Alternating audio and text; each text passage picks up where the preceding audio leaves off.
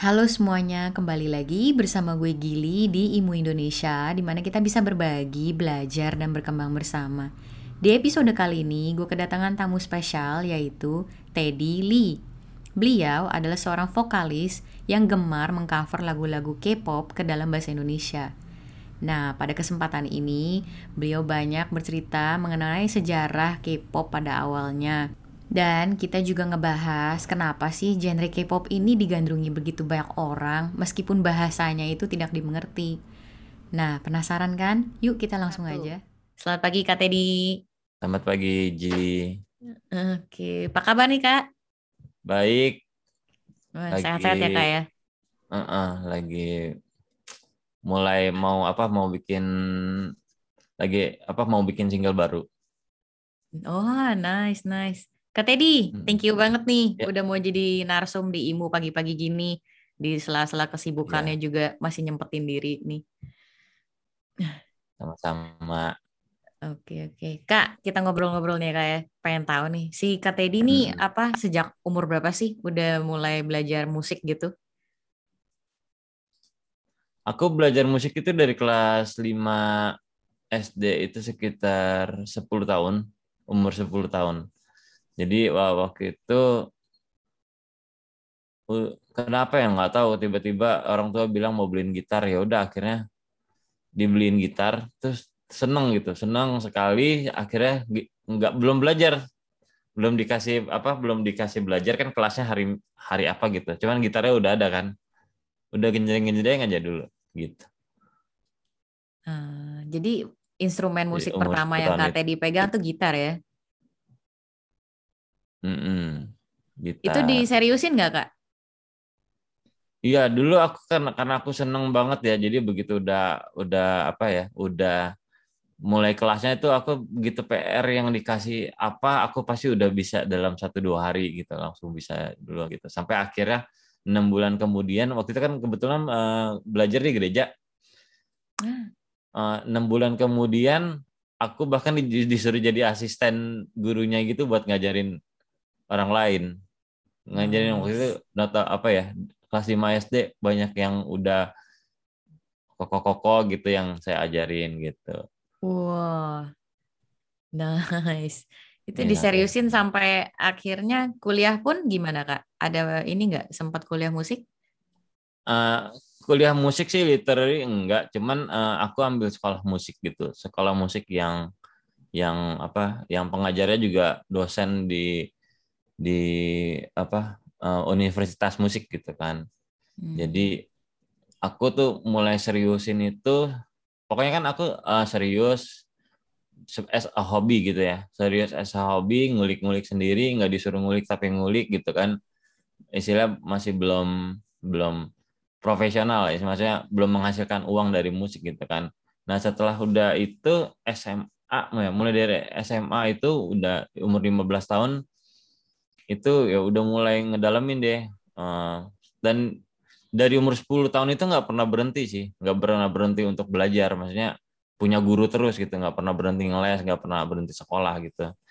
Dari itu udah mulai main-main. Akhirnya uh, bisa ngasilin uang dari main apa dari gig dari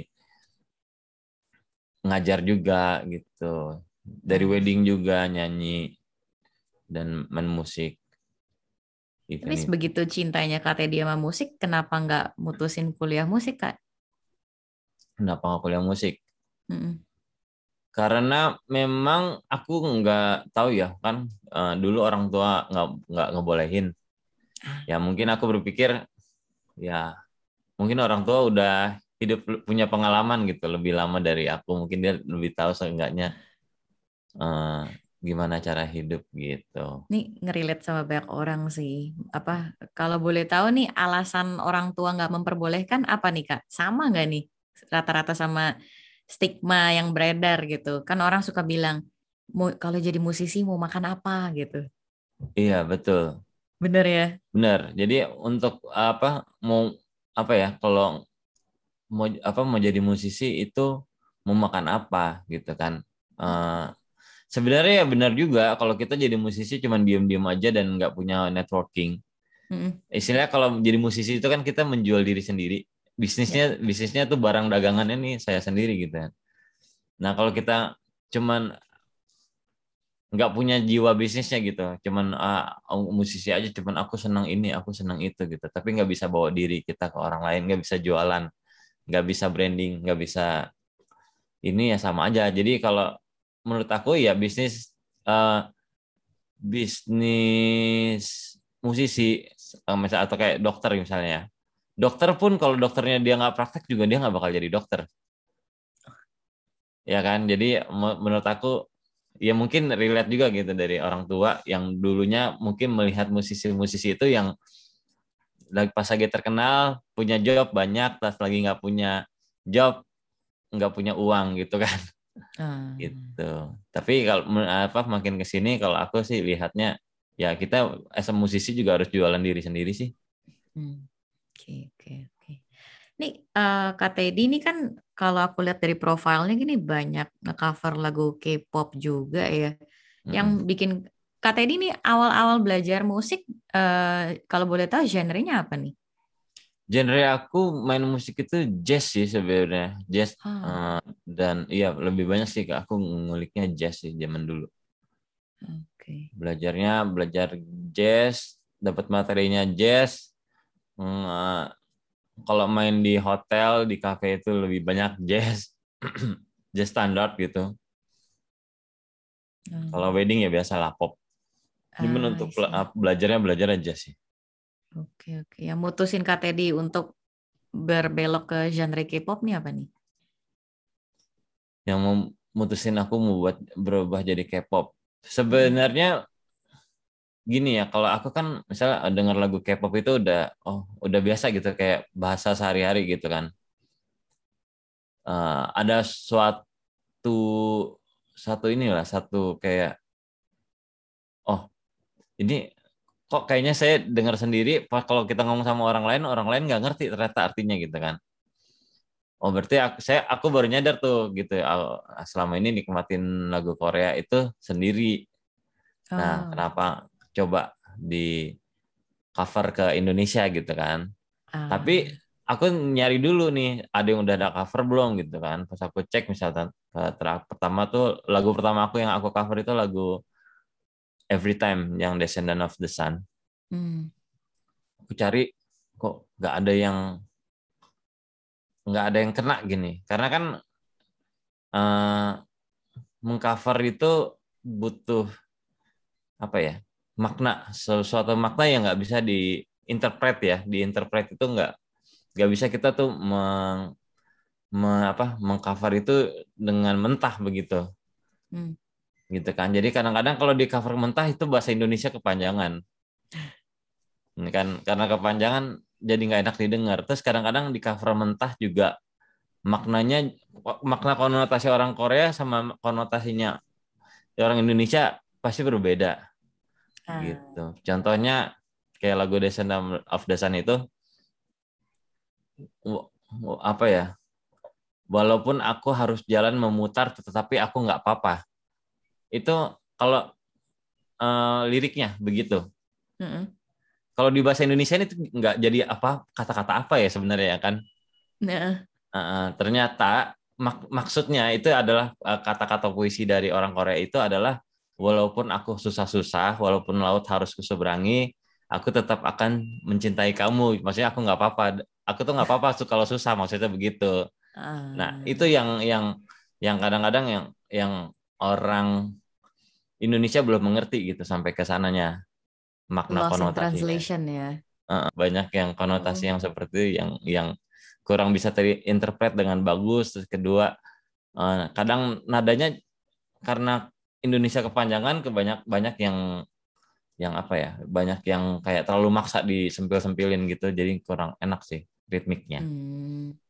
Jadi, Eh, karena apa jadi aku cek beberapa cover terjemahan Korea terus aku mendengarnya kayaknya aku kurang puas gitu sama interpretasi eh interpretasi atau maknanya. Jadi ada juga yang udah bagus tapi penempatan ritmiknya kurang gitu kan karena bahasa Indonesia terlalu panjang. Jadi eh, aku coba gimana caranya supaya aku ngemas lagu bahasa Korea ke bahasa Indonesia dengan apa ya kayak uh, pengalaman aku sebagai songwriter gitu supaya hmm. Teman-teman Indonesia bisa mendengar lagu Korea ke bahasa Indonesia menjadi lebih enak gitu di telinga dengan makna yang hmm. tepat. Hmm. Nice, nice, nice. Oh ya kak, aku tarik sedikit balik ya ke tadi yang kita bilang nih. Kalau di Indonesia kan stigma musisi mau makan apa nih masih banyak ya beredar hmm. gitu. Ini sedangkan kalau di Korea gitu kan yang kita tahu kan K-pop nge-booming banget gitu kan. Hmm. Ada nggak stigma kayak gitu beredar gitu? Kayaknya enggak ya. Uh, stigma apa itu? Musisi mau makan apa gitu. Jadi kayak misalnya orang tua tuh nggak ngasih anaknya kalau mau kuliah musik gitu. Hmm. Ada nggak kalau di Korea kayak begitu? Di Korea ada, masih oh. ada. Jadi kan uh, di Korea juga ada ya kayak orang di mana beberapa orang itu mulai open minded beberapa orang orang tua itu masih nggak open minded itu ada gitu jadi uh, hampir sama lah menurut aku di sini kayak dan kebetulan aku memang di yang orang tua yang dari istri saya itu kan memang ada di daerah gitu jadi ya punya patokan yang seperti itu sih kalau misalnya jadi musisi mau makan apa gitu hmm. makanya kalau kita mau jadi musisi di sana harus lebih giat harus tunjukin hmm. nih ini hasilnya gitu. Hmm. Meskipun begitu ini ya booming dan sukses banget ya K-pop di sana ya. Iya. Tapi penduduknya juga masih ada yang berpikiran seperti itu ya. Iya betul. Hmm. Ini uh, sebenarnya apa sih kak yang membuat K-pop tuh beda gitu sama pop musik dari negara lain? Even aku sendiri gitu yang berangkat dari musik klasik barat, hmm. bisa gitu loh enjoying gitu iya oke okay. hmm. Jadi uh, kalau aku ya uh, menurut aku tuh K-pop itu punya ciri khas sendiri kan kayak uh, maksudnya berbeda lah sama orang lain tau nggak eh, kenapa dia itu bisa berbeda dan terutama ya uh, karena K-pop itu sebenarnya luas K-pop itu ada musik drama yang sekarang oh. kita dengar itu boy group girl group itu kan yang banyak dan uh, kedua lagu drama. Padahal banyak yeah. juga solois-solois Indonesia apa solois-solois orang Korea yang bagus-bagus gitu. Nah, iya ah. banyak banyak yang bagus-bagus gitu loh yang kayak penyanyinya juga um, yang uh, penyanyi kafe juga banyak yang main wedding, main jazz juga sama ada gitu loh yang sekolahnya gitu. Ya kan?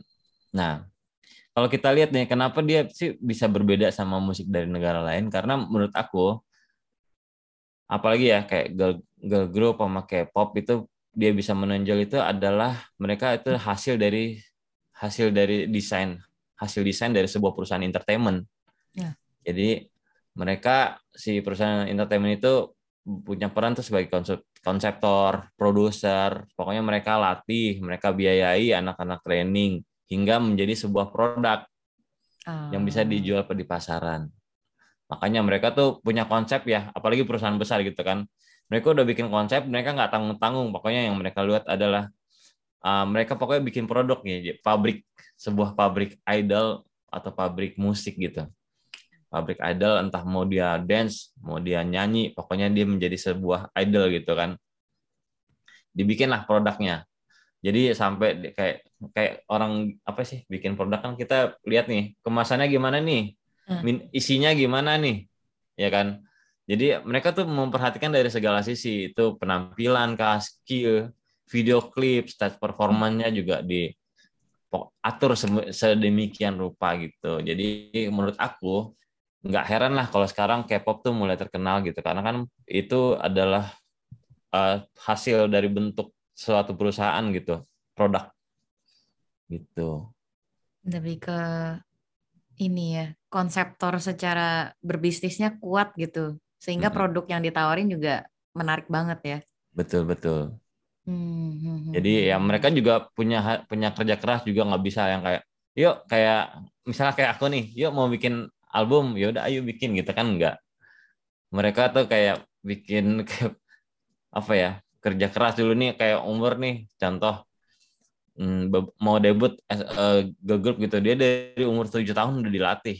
Nanti umur 17 tahun baru debut hmm. gitu wow wow mereka keluar uang nggak nggak sedikit yang training misalnya kayak uh, SM Music Hmm. Mereka punya training kan banyak. Mereka tuh Hmm. biayain semua guru-gurunya fasilitas Hmm. gedungnya. Jadi gedung itu kayak kantor. Di sana tuh kerjanya orang-orang itu yang training itu ya latihan, latihan, belajar ini, belajar itu, belajar ini. Itu kan Hmm. dibiayai semua. Bahkan dia dikasih uang makan Ah, sama itu perusahaan. under kontrak nggak ya kak? Kayak begitu. under kontrak. Ah. Tapi perusahaan itu kan pasti ngeluarin uang dan dia nggak ngasilin uang kalau dia nggak dan yang Iya. janji kan cuma sedikit gitu. Heeh. Gitu. Kalau yang sampai nggak jadi ini, jelek-jeleknya gimana mereka tuh akhirnya? Kalau nggak sampai nggak jadi ya udah nggak jadi apa-apa. Nggak jadi apa-apa. Heeh. Ya kadang-kadang ya bisa aja mereka nggak jadi di sini kalau mereka masih belum menyerah mereka akan pindah ke perusahaan lain. Ah. Mm-mm. oke. Jadi eh, aku lihat ya K-pop eh K-pop itu in- lebih ke industri sih. Jadi kalau kayak misalnya kita bikin produk ada yang but ya itu resiko kita kan sebagai punya istilah punya bahan baku ya. Hmm.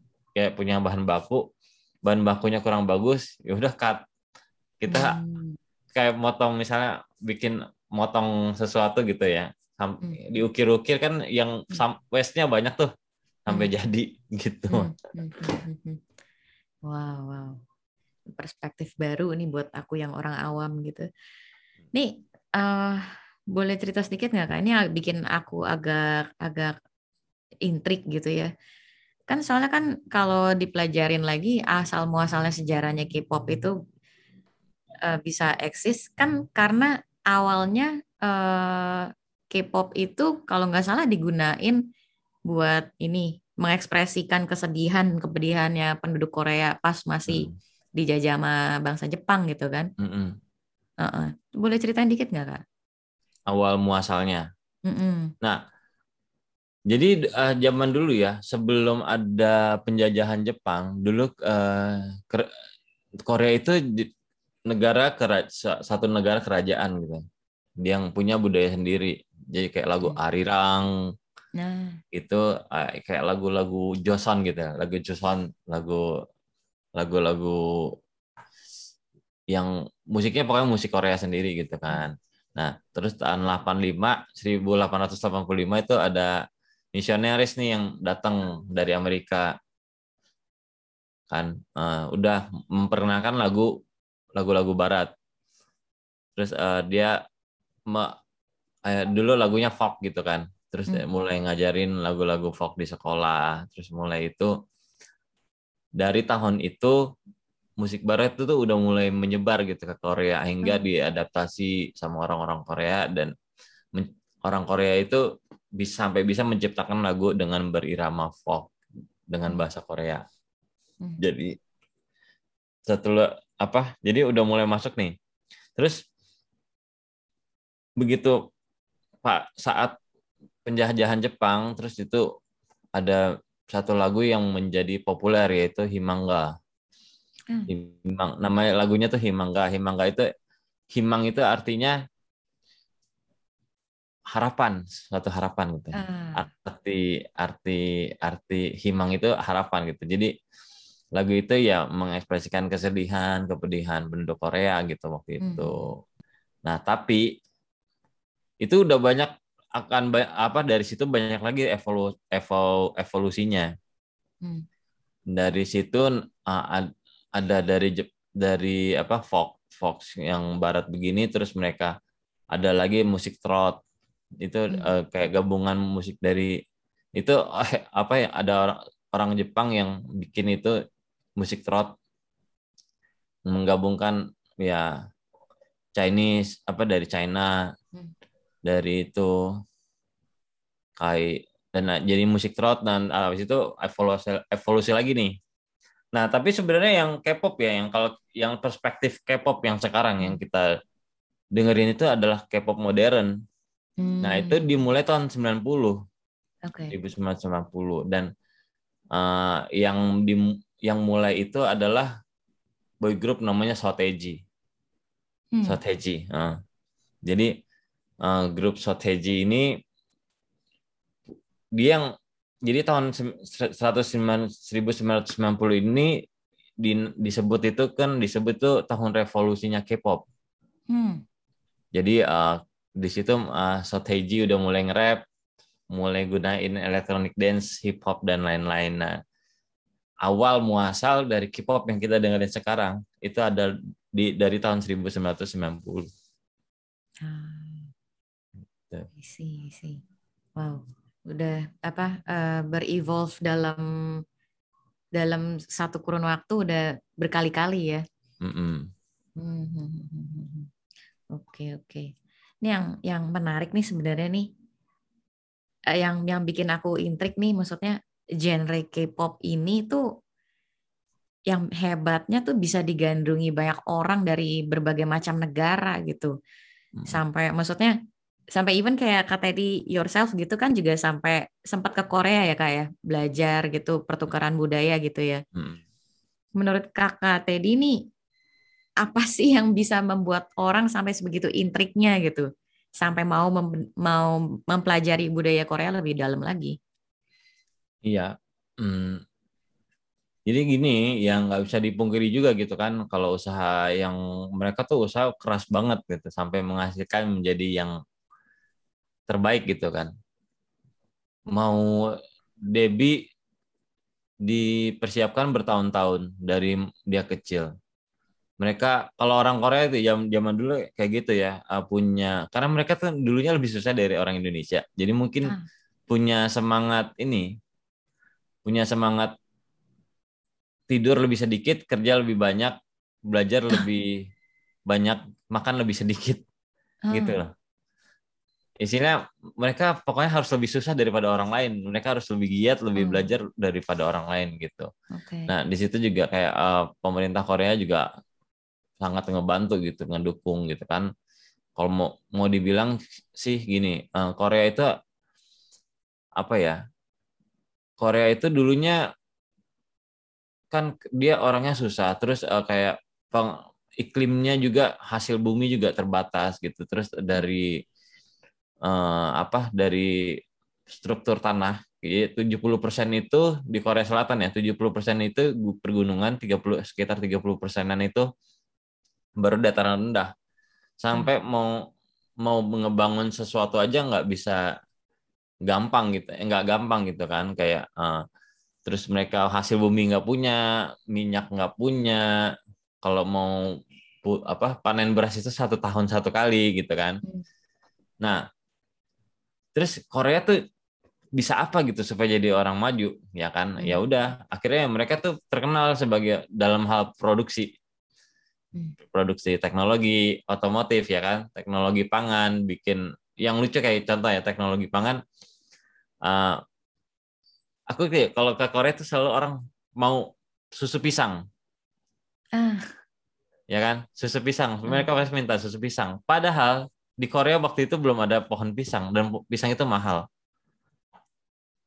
Nah, oke. itu rasa pisang itu rasanya yang di bu di rasa buatan sih dengan apa teknik uh, chemical mereka gitu kan. Hmm. Nah, apalagi yang bisa dia kerjain di dalam musik. Ya musik mereka bikin lagi lah gitu kan. Akhirnya menurut aku uh, cara mereka memproduksi idol itu Hmm. bagus gitu loh. Maksudnya benar-benar nggak memang nggak instan yang mereka bikin ya butuh keluar uang banyak Hmm.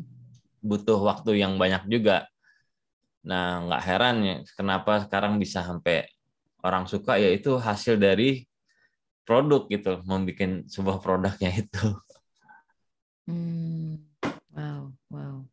jadi ya bikin ya yang dia bikin kan itu idol jadi orang tuh udah ngefans duluan gitu deh udah nggak peduli bahasanya Hmm. mungkin nggak peduli ini pokoknya yang dia seneng sama yang orang-orang senang itu ya karena orangnya musiknya Ah. Gitu. Wow. Memang mesti ini ya, kita mesti banyak belajar ya dari negara-negara lain ya, Mm-mm, supaya kita juga bisa implementasi juga di tempat kita sendiri gitu. betul Nih, wow, wow, wow.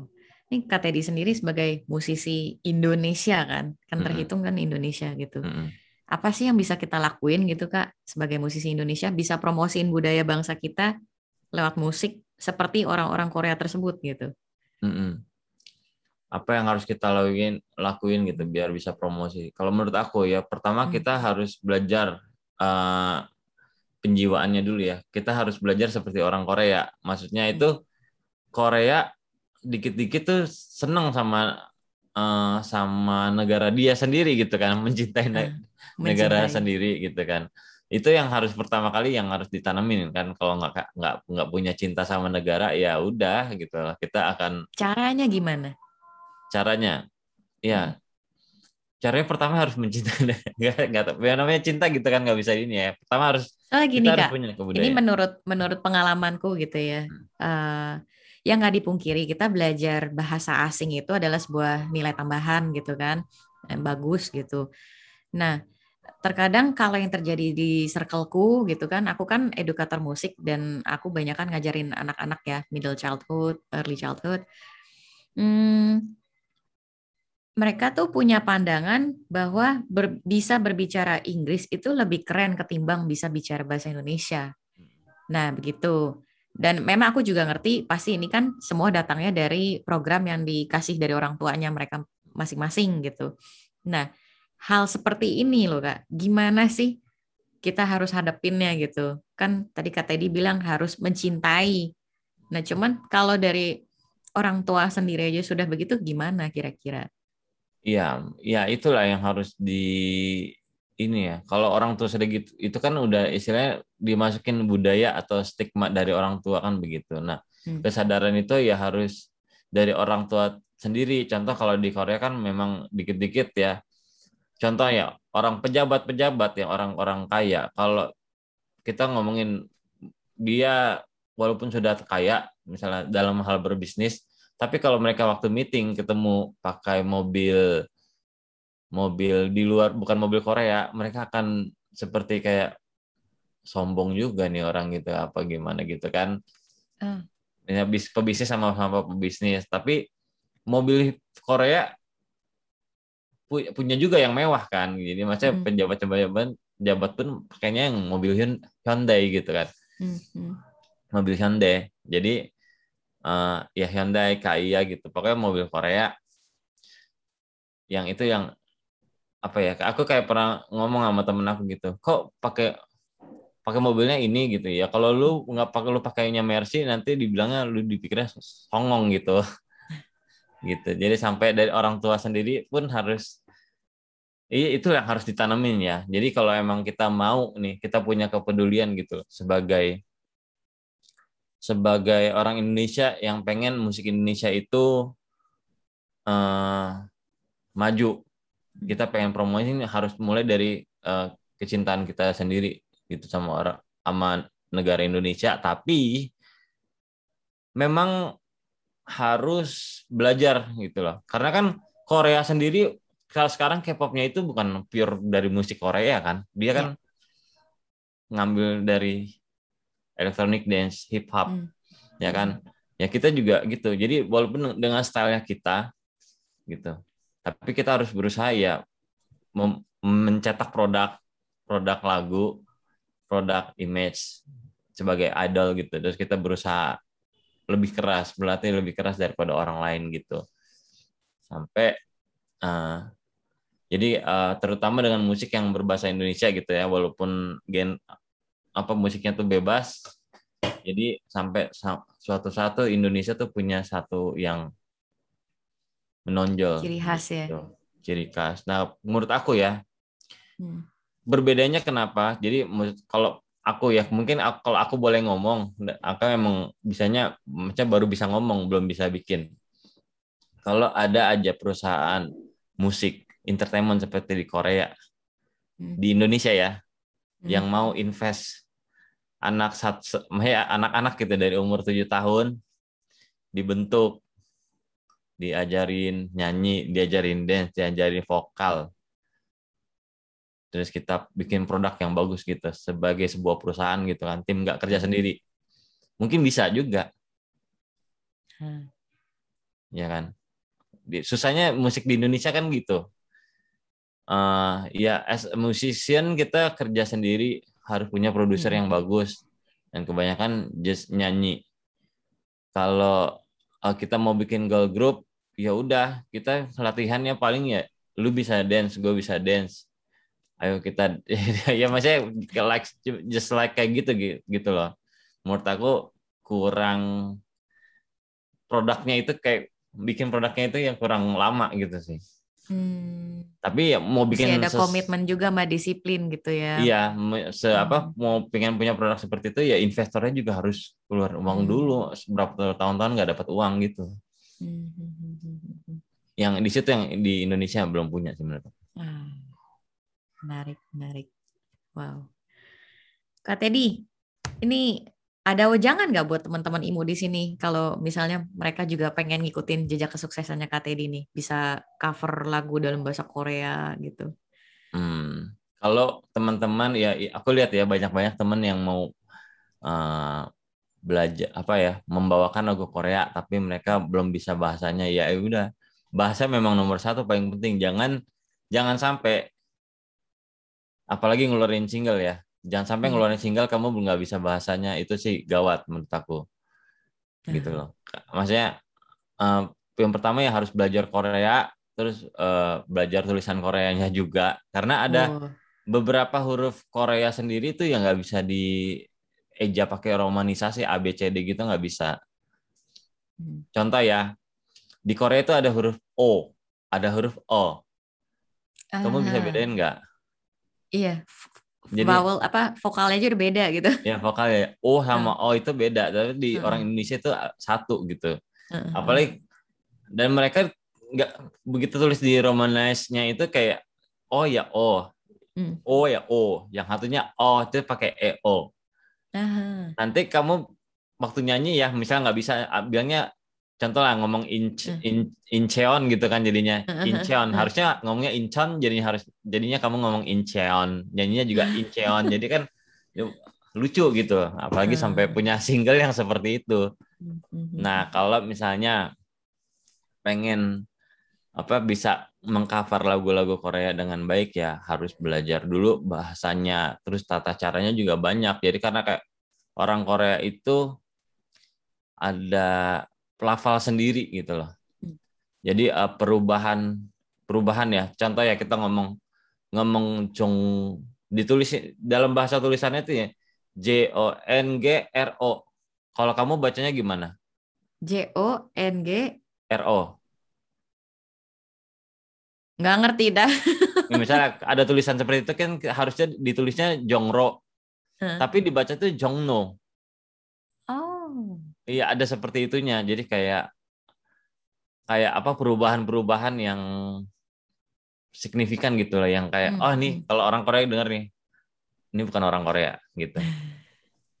Jadi gitu. Kayak misalnya contoh ya orang Korea ya Kak sama M itu nggak bisa ketemu. Jadi kalau mau ngomong untukmu, mereka akan ngomongnya untungmu.